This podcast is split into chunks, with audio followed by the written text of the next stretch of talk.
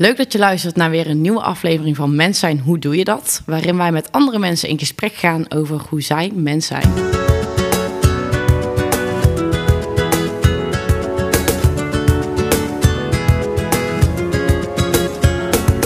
Mens zijn. Misschien wel het makkelijkste en tegelijkertijd het moeilijkste wat er is.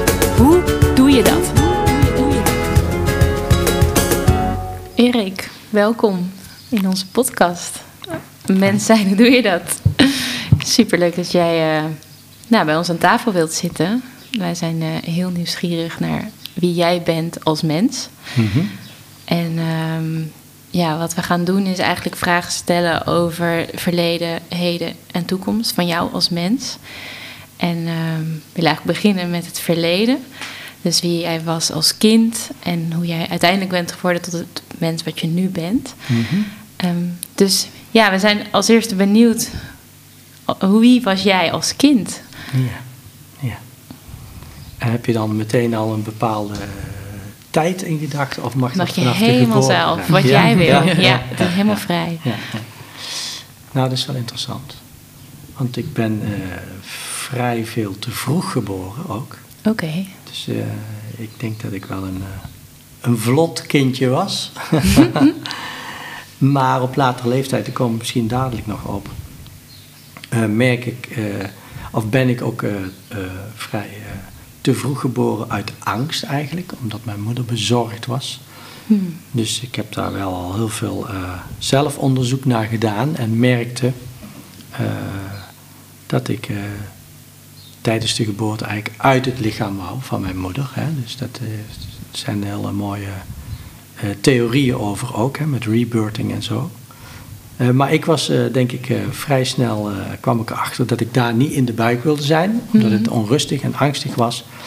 Ja, en daar heb ik ook op 40-jarige leeftijd nog een keer teruggekregen. Okay. Diezelfde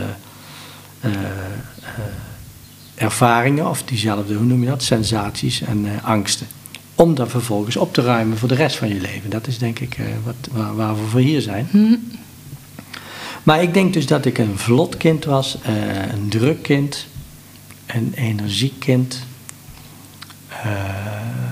wel heel erg op mijn eigen ook wel. Uh, snel naar binnen gekeerd wel. En doordat uh, dat mijn pa graag wilde dat ik voetbalde, mm. in ieder geval mijn broer voetbalde ook, en ik ging dat natuurlijk ook doen bij Mulo in Helmond. met uiterste leeuwmoed opwaarts betekent het, Mulo. Mm. En toen ben ik een hele fanatieke voetballer geworden. En ook dat heb ik later wel een beetje afgepeld. -hmm. Van, uh, was dat dan een intrinsieke motivatie of was dat omdat je al ja, naar je ouders toe iets wilde, ja, niet zozeer bewijzen, of, maar wilde laten zien? Of wilde je, ja, jawel, wilde je als kind iets laten zien en aan de vraag beantwoorden, onbewust? Mm. En die vraag is achteraf ook nooit door mijn vader zo direct daar neergelegd. Maar werd, ervaarde jij zo als kind? Ja, ik ja. werd wel een voetballertje. Oh ja. En dat weet ik nog zo goed, want dan moest je zes zijn en dan mocht je op woensdagmiddag voor, naar de voetbalclub. Dan kreeg je zo'n tenuutje en dan mocht je in een rijtje gaan staan, dan mocht je om de beurt tegen een bal aanschoppen. Mm. Nou, uiteindelijk heb ik ook SEALS gedaan en... Uh, dan ontdek je ook dat uh, juist het, Wat heb je gedaan? Het SEALS. Het, het is een, uh, iets dichterbij. Voor, uh, dat is voor sportleiders, hè, dus Ja. opleiding ook voor iets in de sport. Omdat ik natuurlijk helemaal daarin doorging. Hè. Uiteindelijk ook betaald voetbal gespeeld overigens. Maar andere kinderen die waren veel meer met spelen bezig al. Hè. Ja. En bij mij kwam er dan toch uh, onbewust. Uh, de, de deels zelf, maar deels ook omdat je nogmaals gezien wil worden, denk ik, door je ouders. werd het ook een prestatiedingetje. Hmm. Het En voetballen. Ja, ja. Ja. En dat klinkt misschien allemaal heel heftig, maar het is ook een hele mooie tijd geweest. Hè? Dus, eh, Dus hoe je er nu op terugkijkt. ja, ja, ja. Maar heb je dan wel even op hoog niveau gevoetbald? Ja, ja, ja. Als in bij PSV of? Nee, Ook uiteindelijk of alleen Helmond Sport? Eerst bij Helmond Sport en Mm. daarna bij eh, Roda JC in Kerkrade. Want ik zat op het CIOS in Sittard. Hè. Dat Oh, is eh, een opleiding voor sportleraren, zeg maar. Ja. Dat is niet hetzelfde als eh, sportleraar op school. Maar Mhm. dit zijn meer sportleiders, hè, sportinstructeur. Ja. Dus, dus dat, is, dat was eigenlijk Mhm. de start van mijn leven wel. Ja, dus voetbal had een hele centrale rol in jouw leven eigenlijk. En buiten zijn ook. Ja. Altijd buiten Ja. zijn. Ja. Spelen. Dus ik was wel blij dat de deur hier even open ja. Lucht. Lucht, Lucht. ja. Nee, en echt buiten zijn fysiek. Dus, en, en dat zie ik ook wel met mijn eigen kinderen. Dat is veel minder nu. Hm. Liggen, wij lagen, en dat werd ook echt zo gezegd, hè, jullie liggen de hele dag op straat of zo. Hm. Maar, En nu ligt ze heel de dag op de bank. nou, of willen ze, willen ze even een aantal keer per dag iets met die telefoon. En, maar dat was in onze tijd natuurlijk niet. Dus eh, nee, we hadden vroeger ook geen groot huis. hè, Niet net als dit bijvoorbeeld. Dus je had ook niet allerlei ruimtes. Dus de ruimte die je eh, kon nemen was buiten gewoon. Oh ja. Verstoppertje, Ja. buskruid, eh, een hut maken, voetballen. In de bundertjes eh, spelen. En, De wat? De bundertjes. in de- Wintertjes. een mooi natuurgebied tussen het kanaal en de wijk waar wij woonden. En dat bestaat nog steeds. Dus echt, daar zit ook het IVN hè, van de natuurvereniging. en eh, ja, daar lag je dan eh, met je mes en je dolk en eh, een appeltje. En, ja, was eigenlijk, ik kwam van school en je was buiten. Ja. Dus ja, een, vrij kind denk ik. Ja. Ik had een hele lieve broer. Dus er was altijd weinig strijd, Hm. als ik dat zo zie. Ik heb een hele zachte, fijne, lieve broer. Hij stond altijd voor me klaar, nog steeds. Dus eh, En die voetbalde ook. ja, Ja. dat was een harde werker. Als je zeg je dan al hè, in de voetballerij. Die Mhm. moest het wel van, eh, van zijn eh, fanatisme hebben. En ik had wel iets meer techniek of zo. Voetbaltechnisch. Ja. Maar jullie hebben allebei dus op eh, hoog niveau gevoetbald? Nee, hij heeft niet zo. Oh, oké, niet zo zijn. Oké. Maar misschien is dat ook wel ehm, de motivatie geweest van mij om eh, beter te zijn. Of eh, ja, Hm. het jongste kindje, dan is het toch altijd eh, anders, denk ik. Tot- ik nu ook bij mijn eigen kindjes. Ja, ja, ja. Want tot welke leeftijd heb jij gevoetbald? Ik heb dan uiteindelijk met mijn zes begonnen natuurlijk. En toen ben ik, ja, denk met mijn knie is het rond mijn 23ste wel eens een beetje afgelopen. 24ste. Oké, dus eigenlijk wel jouw eh, basisschooltijd stond ook in het Ja. teken van voetbal. Ja. Daarna je middelbare schooltijd ook. Ja, ja. En, eh, Nou, en daar ik- werd ik eh, uitgenodigd, hè, dus voor, voor, het, voor, voor het selectieteam, zeg maar. Ja, en toen mocht ik ook één keer in de week op een donderdagochtend al vrij hebben, of dan nam ik vrij, om mee te trainen. En, Ja. dus ik was wel heel fanatiek. Ik had ook echt een Ajax-kamertje. Oh? Met eh, dassen, sjaals, stickers, posters. Een Ajax. Dat is een Ajax-kamertje. Je was fan van Ajax. Ik was een echte Ajax. Bij, bij ons thuis allemaal. Want het heeft eh, met mooi voetbal te maken. Toen, toen hè? Ja, dat is jaren eh, 70, Is dat 74. Tijd van Kruif. Ja, Ja. ja. En je komt zelf uit deze omgeving, uit Eindhoven. Nee, nee, Helmond. hè? Oh, Helmond zei je, ja.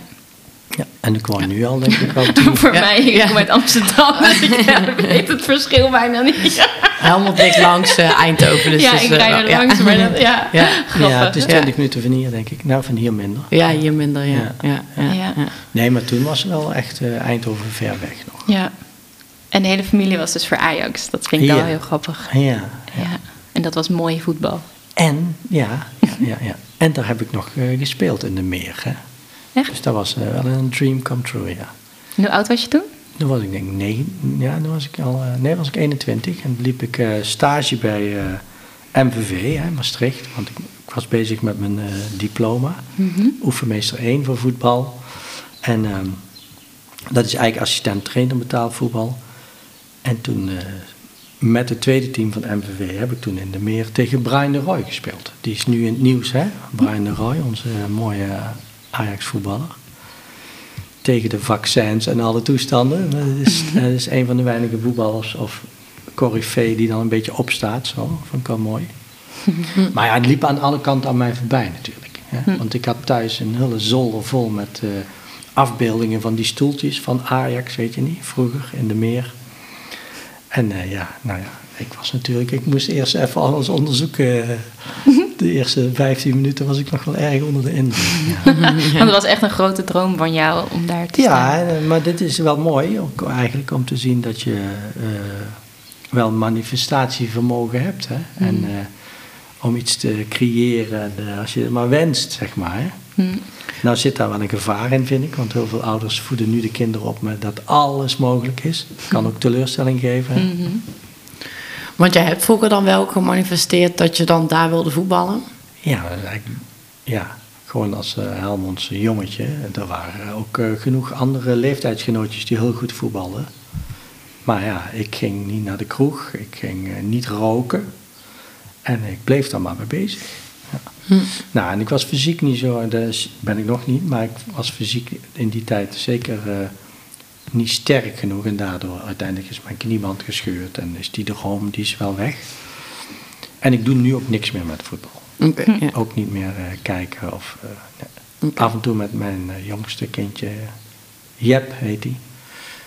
De oudste die heeft niks met voetbal en de jongste is, die wil wel af en toe met mij voetballen. Eh, maar dan wil ik het er niet zo dik bovenop leggen. Want Oh, dan ja. denk ik van, ik ben mijn vader niet. Ja. Ja, want hoe heb jij dat vroeger ervaren? Dat dus vanuit jouw huis uit eigenlijk wel een beetje werd verwacht dat je ging voetballen. Ja. ja, maar dit is heel gevaarlijk ook, merk ik. Eh, mijn pa vond, vond het wel super gaaf. En ging overal mee naartoe. Maar ik moest niks, zeg maar. En dat vind ik interessant, ook, daar komen we daar misschien ook nog op, maar met mijn werk ook, wat ik nu doe. Eh, als kind eh, creëer je zelf ook iets, hè? die verwachting. Ja. Of eh, je denkt dat je daarmee de wensen van je ouders beantwoordt. Ja. Maar mijn vader was geen papa die langs de kant stond te schreeuwen. Of hij kon wel als we verloren of zo ook wel ooit teleurgesteld zijn of zo. Maar ik denk dat ik er zelf ook wel heel veel van gemaakt heb. Hmm. Dat is interessant, ja. Dat is heel interessant, want je creëert met je eigen... Op een gegeven moment ben je 9 of 10, 11, dan ga je ook cognitief ook eh, dingen creëren zelf. Hè? Dus misschien heb ik dat zelf ook heel zo groot gemaakt. Ehm, maar uiteindelijk ben ik wel op de, op de prestatievoetbalwereld een beetje eh, afgeknapt, zeg maar. Ja, want ja, het was natuurlijk een teleurstelling toen ik in, in Sittard in het ziekenhuis lag en eh, die hulkknie een eh, bende was. Hm. Ehm, en, ik, en ik zou wel heel graag terug willen in de voetballerij, maar dan vanuit hetgeen zoals we net gestart zijn. Met meditatie, met eh, yoga-oefeningen, met eh, ondersteuning van de adem. Hm. En, en, daar, en daar, is nou, daar zit 30 jaar tussen. En dat zou ik wel mooi vinden. eh, daar ik ben ook een boek aan het schrijven, dat gaat daarover. Ehm dat zou ik wel mooi vinden als die methodieken nu daar uiteindelijk in die ego-wereld, want dat is de voetballerij, is toch wel een ego-macho-wereld, mogen we best wel zeggen. Met dure merken, met auto's, met hoge prijzen, salarissen. Eh, wat zou je nou met een team kunnen doen als dat eh, eh, naar, eh, begeleid wordt in de egoloosheid? Dus dat er meer begrip is voor die spelers onderling, compassie, eh, eh, samen. Echt, hoe maak je nou een team? ja. Is dat ook iets wat jij zelf gemist hebt? jouw microfoon ook iets dichterbij. Ja. Is dat iets wat je zelf eh, gemist hebt in die tijd? Ja, heel individueel is het. Hè? En op wat voor manier, hoe ervaarde je dat? Of hoe uitte zich dat? Ja, als je in een, tweede team zit, dan wil je eigenlijk naar het eerste team. Dan gaat dan gaat het altijd over jouw prestatie. Hm. Maar uiteindelijk eh, is het een gezamenlijke prestatie. En hoe kan je nou jeugdspelertjes eh, dat al meegeven? Want hoe ervaar je dat? Want dan zit je in het tweede team en dan hoe gaat dat? Word je gescout of eh, Ja. zijn er mensen die dan Ja. meekijken? En dan heb je Ja. als kind het gevoel dat je dus moet presteren. Dus moet je laten zien hoe goed je wel niet bent. Is dat het? Ja, en dat was toen eh, vrij laat, hè? rond je 18 of zo. Hm. Maar nu hebben we een neefje, mijn vrouw heeft een neefje, en die is al eh, door Den Bosch en PSV en zo in de smiezen. Mhm. Ja, en dat is nu al belastend. Hm. Hoe zie je dat dat het belastend is? Ja, doordat hij niet meer wil al. Oh, oké. Ja, zo, ja. Dus eigenlijk hij ervaart de druk te hoog, waardoor hij niet meer wil. Ja, dan moet hij zes keer in de week al trainen of zo. Nou, dan denk ik van, dat is niet nodig, hè? Hoe is dat op het moment, want als je dan terugkijkt, is het, heeft dat ook invloed gehad op, op het plezier wat je had aan het Ja. voetballen zelf? Ja, nou, is dat ook de reden dat je dat graag anders zou willen zien? Ja. ja, wat kan je nou als je op topniveau allemaal voetballers bij elkaar hebt? Wat kan nou het onderscheid zijn in een wedstrijd, in een belangrijke wedstrijd? Nou, dan denk ik de passie voor het spel. Mhm. Niet het geld, niet de prijs. Maar hoe kan je voetballers terugbrengen hè, uit dat eh, van kijk maar eens eh, belangrijk zijn naar eh, dit spelletje doe ik het liefst van de hele wereld. Zoals je dan als kind op straat voetbalde.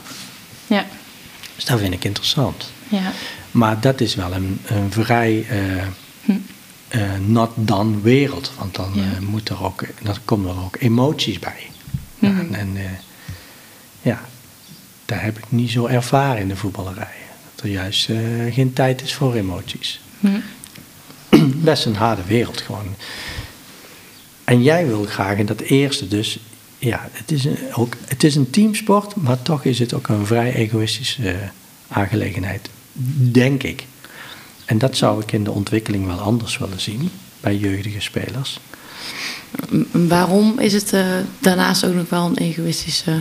Hoe heb jij... Hoe, waarom zie je dat zo? Of ja, dat omdat jij, als jij, eh, eh, jij wil de beste zijn. Mm. Kijk, als ik ga tennissen 1 en 1, de 1 tegen 1, dan is het helder, hè? Dan versla ik jou. Hè? Maar nu moet je met een team, een ander team, eh, moet je van winnen als je competitie speelt. Maar binnen je eigen team moet je ook presteren. Concurreren. Ja, en concurreren, ja precies. Ja. Dat is het woord. Er zit ook eh, een aantal mensen op de bank. Ja. Ik heb ook veel op de bank gezeten. Moest je vier uur rijden, ging je naar Veendam en dan stond je een keer er niet in. Nou, Dan was je acht uur weg geweest. En dan, eh, ja, dan ging je nog harder trainen. Ja. Voor jezelf. maar wat is... Ja, nou, wat En, is... en wat waren de momenten dat je eh, die passie voelde? Dus dat je wel echt het gevoel, plezier had in het spel. Ja, die, die, die, dat is, die is eigenlijk... Ik heb altijd wel met plezier gevoeld ook. Eh, eh, Altijd wel echt. Mhm. Ja.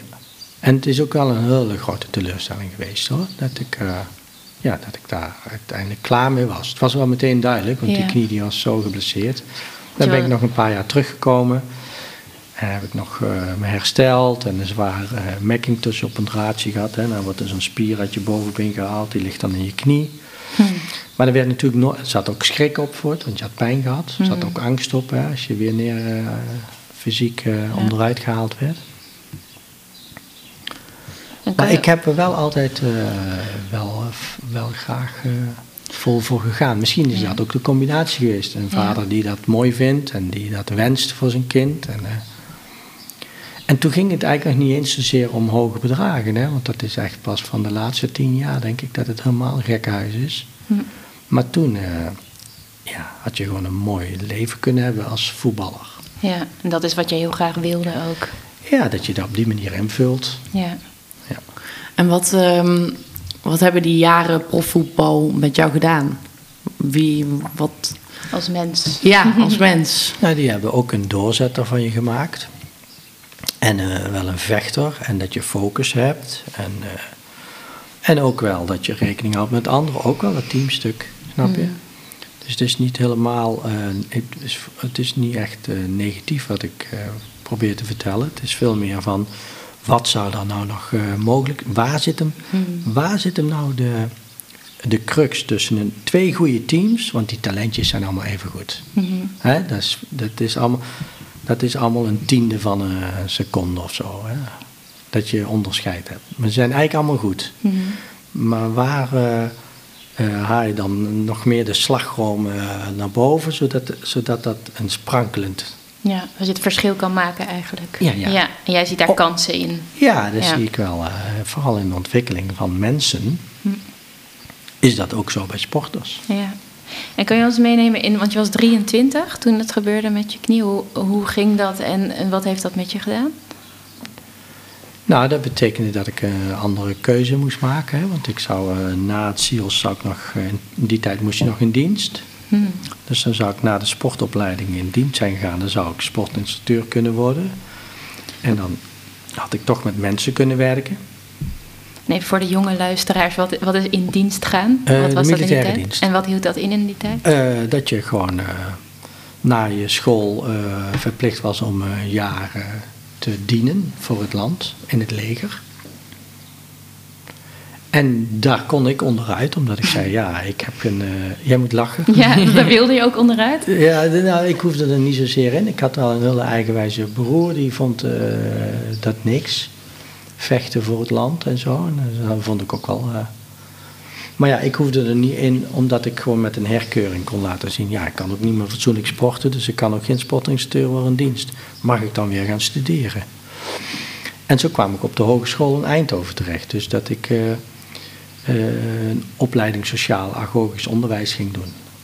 En dat had niemand verwacht natuurlijk, dat ik eh, na het CIOS eh, nog een hogeschoolopleiding zou gaan doen. Maar ja, dan kreeg ik natuurlijk, eh, ik kreeg een eh, treinkaart en je kreeg een studiebeurs. En ik mocht van Helmond in Eindhoven gaan studeren. En eh, ik had al op kamers gewoond in Sittard en in Maastricht. Dus, eh, dus eh, dat was eigenlijk een logisch vervolg. En welke opleiding? Het agra... ag- Agogisch onderwijs, dat is een eh, maatschappelijke eh, opleiding, hè? maatschappelijk werker. Of, eh, dat heet nu SPH. En wat heeft het... Hoe ben jij van profvoetballer naar dat gegaan, naar die Ja. keuze? Ja, ja dat dus ei- eigenlijk een heel eh, logisch eh, verhaal. Je zit eerst in een prestatiewereld. Nou, die prestatie heb ik niet gehaald.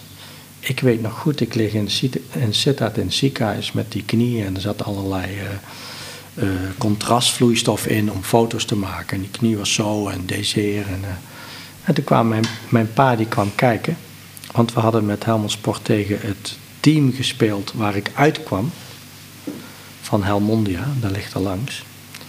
En ben ik s'avonds met de trein naar Sittard gegaan en lag ik daar. Toen kwam mijn pa kijken, in Sittard. En die zei de magische woorden, of in ieder geval eh, de onvergetelijke woorden, magisch waren ze niet, de onvergetelijke woorden van, oh nou is het wel voorbij hè jongen. Ja, stortte mijn wereld in natuurlijk. Ja. En, ja, en dan kom je in een proces van, hé, hey, wat dan wel? En eh, ik wil nog met mensen iets doen. En wat als ik nou mijn sport eh, achtergrond ga combineren met, met groepswerk? Mhm. En dan bedacht ik, nou, dan ga ik in het gevangeniswezen doen. Ga ik sportgevend gevangeniswezen.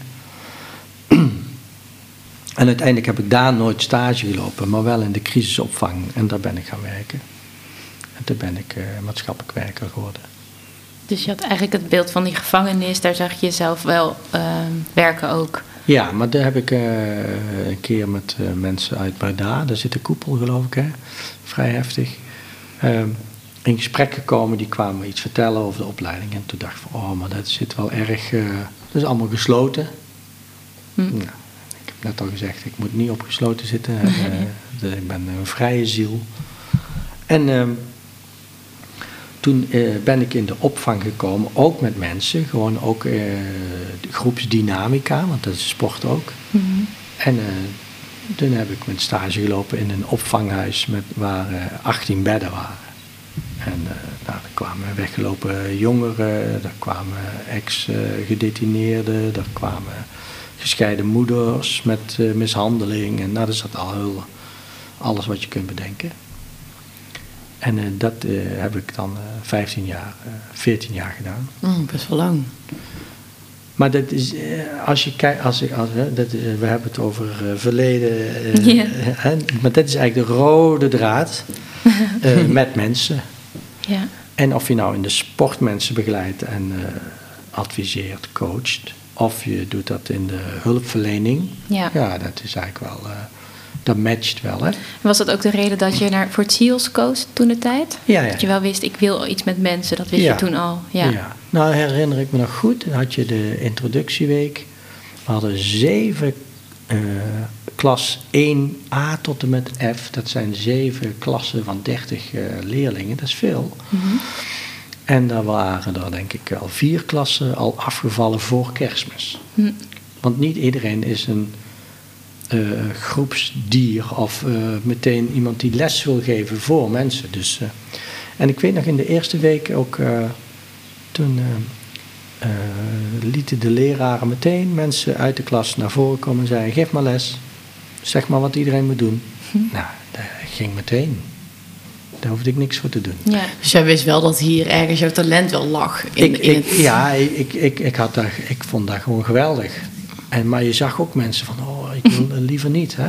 Ja. Maar ja, dat zou dan wel de komende vier jaar je eh, beroep, eh, of je doelstelling worden, hè? Om, Ja. om die opleiding te halen. Dus dat was heel helder. Dat meteen een goede filter. Ja, en dat was ook al helder dat dat dan eigenlijk eh, in de crisisopvang eh, ook wel zou werken. ja. En ik doe eigenlijk nu nog steeds hetzelfde voor groepen en eh, mensen en eh, kleine groepjes, grote Ja. groepjes. Want je hebt dat zo'n 15 jaar gedaan, zei je? Ja, ik en, heb ook en nog in, ja, ik heb ook nog in de dagbesteding gewerkt. Hè, dus eh, rehabilitatie en sociale activering.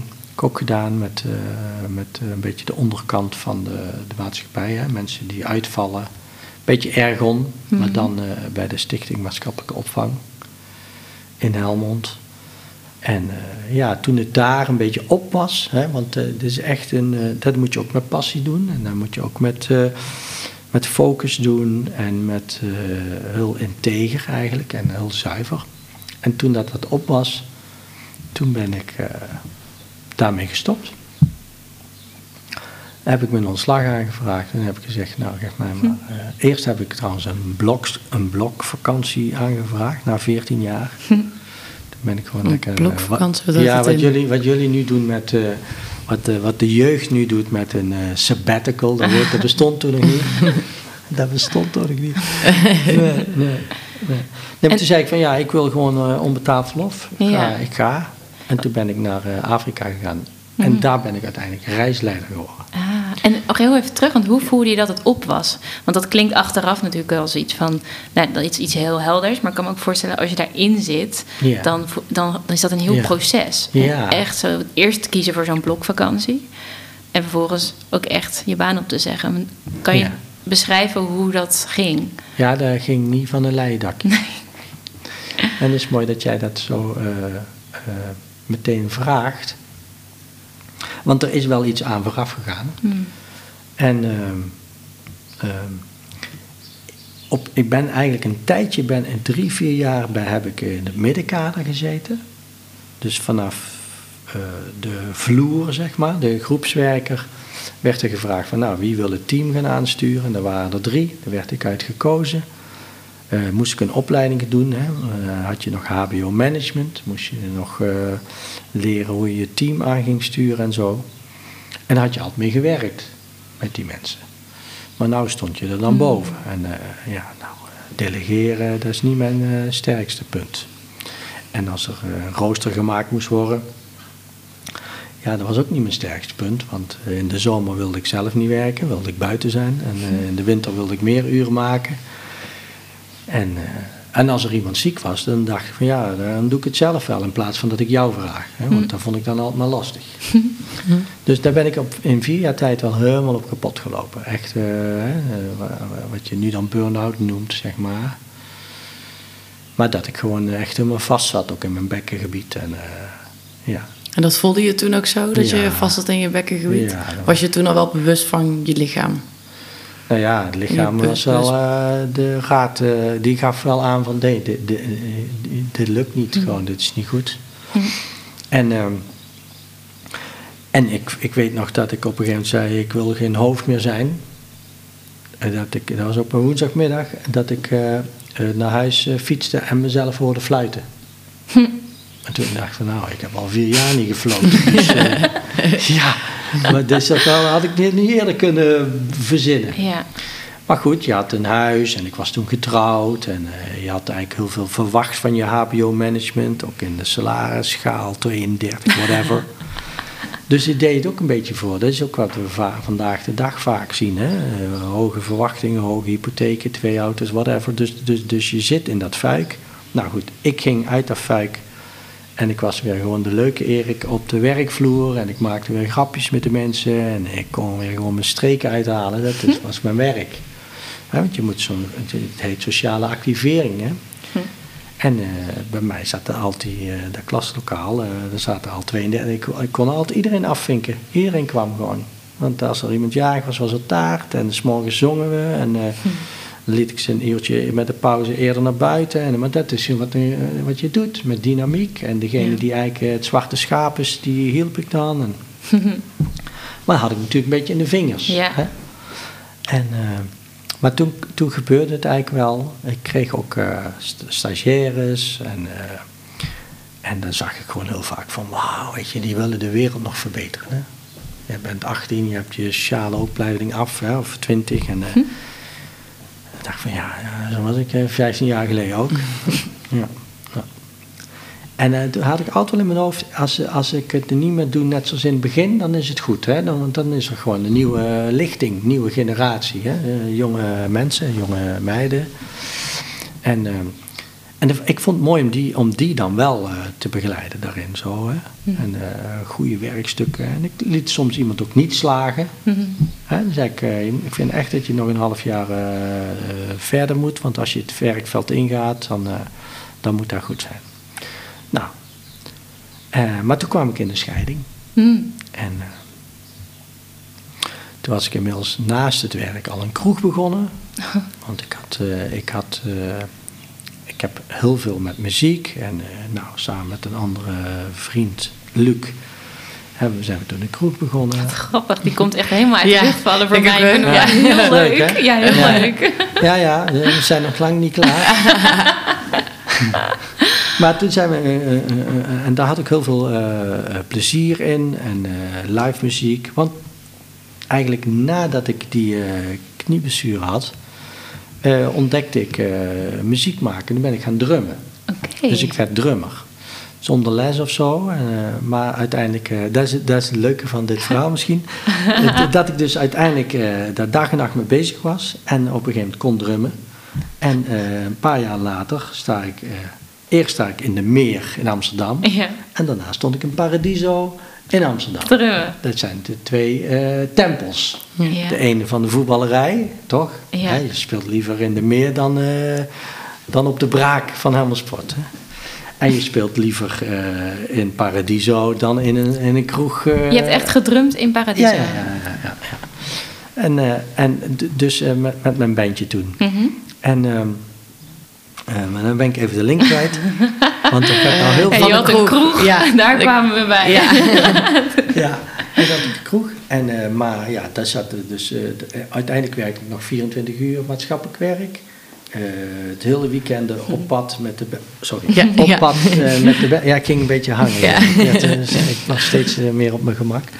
Maar, ehm, en, dan, en dan kwam je dus eh, in het weekend eh, in de live muziek. En eh, kwam ik, rolde ik eigenlijk uit de sport, uit het sociale. En rolde ik eigenlijk meer in de, in de muziekwereld. Maar dat was ook nooit meer thuis en organiseerde dit en dat en dat. Nou, en toen kwam ik in de scheiding met Gwen.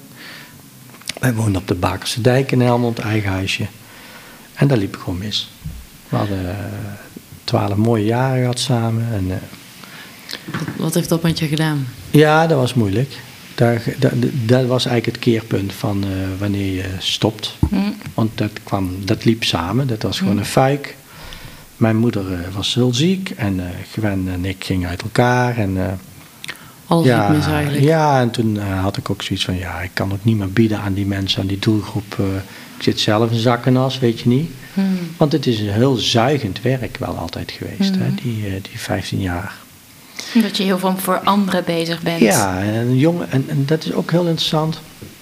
Dat is weer een zijpad, maar eh, wel interessant voor straks dadelijk misschien nog. Eh, heel veel jonge hulpverleners, die gaan alleen maar geven. Hmm. En die leren niet om zichzelf te reinigen en eh, te Voor zichzelf te zuiveren. zorgen eigenlijk. En voor zichzelf te zorgen, daar Ja. ben ik ook eentje van geweest. Ja. En als dan eh, net het verkeerde erbij komt, ja, dan knapt er iets natuurlijk. Want je, je, je laat niet op, of dat wordt je niet geleerd, of, Ja. eh, of je moet niet zo zeuren. Dat is ook altijd zo. Hè? Je moet niet zo zeuren. Dat, je hebt toch mooi werk. Je hebt toch, je hebt toch plezier van je werk. Of erkenning. Nou, in de hulpverlening is er heel weinig erkenning. Erkenning. En heel weinig succes. Want mensen zitten allemaal in hun patronen. Hè? Een drugsverslaafde die drie maanden lang uh, begeleidt. En dan op de trein zet naar... Uh, een uh, opvangcentrum die dan ondertussen ergens eruit stapt en iedereen is hem kwijt. Daar heb je drie maanden voor gewerkt. Mm. Weinig succes hoor. Ja, dus weinig erkenning en weinig succes eigenlijk. En, ja, heel veel doordraaien. En ook heel veel voor anderen zorgen en daarbij niet voor jezelf zorgen. Ja. ja. nou en dat was interessant, hè, want hoe, hoe, hoe, hoe komt dat dan dat mensen die patronen niet kunnen doorbreken? Mm -hmm. Maar goed, er zat eerst nog iets voor. Eerst uh, knapte ik zelf. Mm. Dus, uh, en ik had geluk. Na een tijd zei Gwen van ik wil het huis. wow want dat was van ons. Dat moest verdeeld worden. Dat was een vooroorlogshuisje op de Bakerse Dijk. Ik denk dat ze er nog woont. En ze zei eigenlijk ook van, ja, jij moet veranderen. Hm. Ja, ik wist niet hoe ik moest veranderen. En ik had gewoon altijd geleefd uh, vol. En, uh, Wat bedoelde ze daarmee? Ja, ja ze, ze, uh, als, als je op een gegeven moment samen... Eh, je bent eigenlijk samen om allebei te groeien hè, hm. in een relatie. Hè? En ehm, ja, zij vond dat mijn ontwikkeling misschien, ja goed, anders moest. En, maar ja, uiteindelijk ben ik nu al twaalf jaar hartstikke vrij. En zij woont nog op de Bakse Dijk natuurlijk. Maar dat is, uh, die moeten veranderen, dat was ook moeilijk. Maar daar, we hadden nooit ruzie gehad. Echt nooit. En uh, dat is ook tekenend. Want je moet wel eens knetterende ruzie hebben. Dat is goed voor een relatie, weet ik nu. Dat heb ik nu met mijn huidige vrouw. Waarom? Heb ik zeker wel eens uh, uh, vuur, maar dat is gezond. Maar toen nooit. En, Waarom vind je dat dat gezond is? Ik weet dat dat gezond is, um, omdat daar iets betekenisvols achter zit. En je kunt daarvan leren. En je kunt ook leren om dan sorry te zeggen. Of je kunt ook leren, want ik ga het anders doen. Of je kunt uh, begrip hebben waarom die ander dat anders doet. Maar als je altijd maar met de goede schijn het hoog houdt in je relatietje, ja, dan komt er een keer iets wat je niet overleeft. Hmm. Okay, ja. Want er was nog nooit uh, onweer geweest. Hmm. En nu wel. Dus zij heeft toen een huis gekocht en zij is uh, iemand anders tegenkomen, zwanger geworden. En, en, ik dacht, wow, overwaarde. Wow. Hmm. En maar in het begin niet hoor. In het begin uh, raakte ik wel helemaal uh, depressief, kon ik niet meer functioneren op mijn werk. Ik sloeg helemaal dicht, ja. enzovoort, enzovoort, enzovoort. Met al die verwachtingen die je ook gecreëerd hebt van een huisje samen. Ja. Ik kan me heel goed voorstellen dat je, dat je misschien ook een bepaalde verwachting van de toekomst had. Ja, en of niet eens zozeer, maar altijd, altijd dacht dat het uh, wel goed zat. Ja, precies. Maar dat zat het niet. En ik ja. valt heel die basis weg. Ja. ja. En ook mijn moeder was ziek, dus ik had, uh, al heb ik al vaak uitgesproken, toen ook van, oh, ik verlies de twee belangrijkste vrouwen in mijn leven. Hmm. Zo voelde dat echt. Dat was ook, ja, daar maakte ik ervan. En uh, ja. dat is uh, zoals we begonnen, hè, welke wereld creëer je zelf? Hmm. Hè? Wat, hoe sterk kan zo'n gedachtepatroon jou neerhalen? Nou, dat was heel sterk en ik raakte in een depressie. En, nou, toen kwam ik bij een ademcoach, daar hebben we het daar nog over, maar die sleurde mij eruit. En toen zag ik mogelijkheden. Want toen uh, zij zei van ik uh, wil het huis en uh, verdelen we wat de overwaarde is. Toen dacht ik van wauw, dan, dan ben ik weg. Je zag ineens mogelijkheden. Ja, en toen was ik ook weg. Toen ben ik gewoon naar Afrika gevlogen, naar een vriend in Oeganda. Daar heb ik een hele mooie tijd gehad. En op een gegeven moment zei Koen, hé, hey, maar jij kunt het toch ook zo, zo'n groep begeleiden? Ik zeg, ja, dat kan ik wel, ja. Ik zeg, ik heb nogal wel wat andere groepen onder mijn, uh, onder mijn vleugels gehad. En uh, dit zijn allemaal mensen die komen voor een mooie reis en die hebben veel betaald en die hebben wel hoge verwachtingen, maar die hebben er allemaal zin in. Dus toen heb ik, uh, heb ik in februari 2009 heb ik mijn eerste Oeganda-reis begeleid. Want hij zat in Oeganda en hij, hij ja, be ja, uh, begeleidde reizen en jij kwam hem helpen? Of? Ja, nee, ik ging eerst, hij had ook een, een eigen kroegje restaurant. En hij zei, hij had gehoord van, we hadden elkaar heel lang niet gesproken. Hm. Want Koen, zijn vriendin en mijn ex, daar waren ook vriendinnen. En eh, toen zei Koen, hoe is het eigenlijk? Ik zeg, ja Koen, jij bent volop in het nieuws, man, eh, met Matoke Tours. Eh, jij bent eh, hot nieuws met ebola. Oh, goed, ja. En ja, boah, dat was in zijn reis geweest. En van zijn, een van zijn reisleiders. En nou. En zei hij, waarom kom jij niet deze kant op? Zo, gewoon lekker op zijn Den Bosch en op zijn Helmers. waarom kom jij niet deze kant op? Ik zeg, oh ja. En toen zei ik tegen Annemarie, waar ik inmiddels twee kinderen van heb, zei ik, God Koen die zegt tegen mij dat ik eh, naar eh, Oeganda moet komen. Ja, zei Annemarie, dat moeten we meteen doen. En eh, toen zei ik dus op het werk van, jongens, het gaat weer beter met mij, maar ik wil eerst eens vrij hebben. ja. Nou, toen ging ik naar Oeganda. Toen ben ik naar huis gekomen. Heb ik gezegd, ik, op mijn slippers. Ik weet nog goed. Ik kwam pas in oktober weer terug. 10 oktober was het. Toen zei mijn baas... Erik, je moet wel eh, gewoon weer normale schoenen aan. hebben. Het, Er ligt sneeuw. Heel vrij geworden. En mijn voeten waren hartstikke bruin. En ik was hartstikke veel afgevallen. En ik had het gewoon goed gehad. En ik dacht van, ja man... Maar er is toch veel meer dan deze werkplaats hier. Met al deze mopperende, lieve, mopperende cliënten. En toen zei ik, weet je waar? Eh, zal ik er eens mee stoppen? En uiteindelijk was hij ook blij. Want dat was in, eh, in een week of twee was dat geregeld. En toen zat ik weer in het vliegtuig eh, terug naar Oeganda. En toen ging ik daar werken. Mm. Toen kwam Annemarie mij opzoeken. Een mooie, fijne, blonde uh, Bekendonkse. En die woonde in Eindhoven. En die had ik tijdens een rouwverwerkingscursus ontmoet met ademwerk. Zij was toen ook bezig met de opleiding tot ademcoach. En eh, die kwam mij opzoeken, want dat was mijn maatje al een jaar. Hè, want ik was ook al bijna een jaar met eh Gwen gescheiden. En toen kwam Annemarie mij opzoeken. En eh, toen zei ik, nou, als ik naar Nederland ga, dan eh, word ik ook ademcoach. Dan ga ik ook weer studeren. Nou, zo, Ja. dan zitten we waar we nu zitten, inmiddels weer eh 13 jaar later. Zit ik nu bij jullie. Heb ik jou ontmoet. Ja. Want Rachel Maar heeft een ademsessie bij jou Ja, gedaan. ja, zo ken ik Erik, ja. Oh, ja. ja. De En nu ademcoach, we- waar we het ook al vaker over hebben Ja, de ademcoach. ademcoach. De- ja. Uit, uit seizoen 1. ja. ja, echt, mooi. Wat een Ja. mooie verhaal, mooie reis. Ja, dus veel Eh, van. ja, en, zoals die hier ligt, er zit een hele mooie rode draad in. Dus eigenlijk Ja. altijd, altijd met, wel met mensen. Ja. Hè? Dus Ja. altijd eh, eh, in de ondersteuning, bijdragen, hulp eh, met mensen. Ja, dat Ja. is. En, eh, en dan zie je ook dat het eigenlijk niet zoveel uitmaakt wat het dan precies is. En voor mij zit ik nu gewoon, eh, als je kijkt naar die patronen die mensen hebben en de conditionering, zit ik nu gewoon op een heel mooie methodiek. Hè? Dus dat, je, dat je met behulp van de adem eh, mensen werkelijk kunt helpen om te transformeren, zeg maar. Bedankt voor het luisteren naar deze aflevering van Mens zijn. Hoe doe je dat? Ja, en als je het leuk vond, dan vergeet ons niet te volgen op eh, Spotify of op eh, Apple Podcast of waar je eh, deze podcast op luistert. En ja, geef ons ook even sterretjes of zo. Dat is ook, ook altijd leuk. Dat helpt ons toch ook alweer voor de vindbaarheid. En ja, en check onze website. Ja, en laat ons vooral weten wat je van de podcast vindt. Of je nog tips hebt. Ehm, vinden we allemaal hartstikke leuk om te horen. Ja, en de website uh, www.mensenhoedoejedat.nl. En daar vind je ook onze Mensen en Hoe Doe Je Dat dagen die we ook nog organiseren. Yep.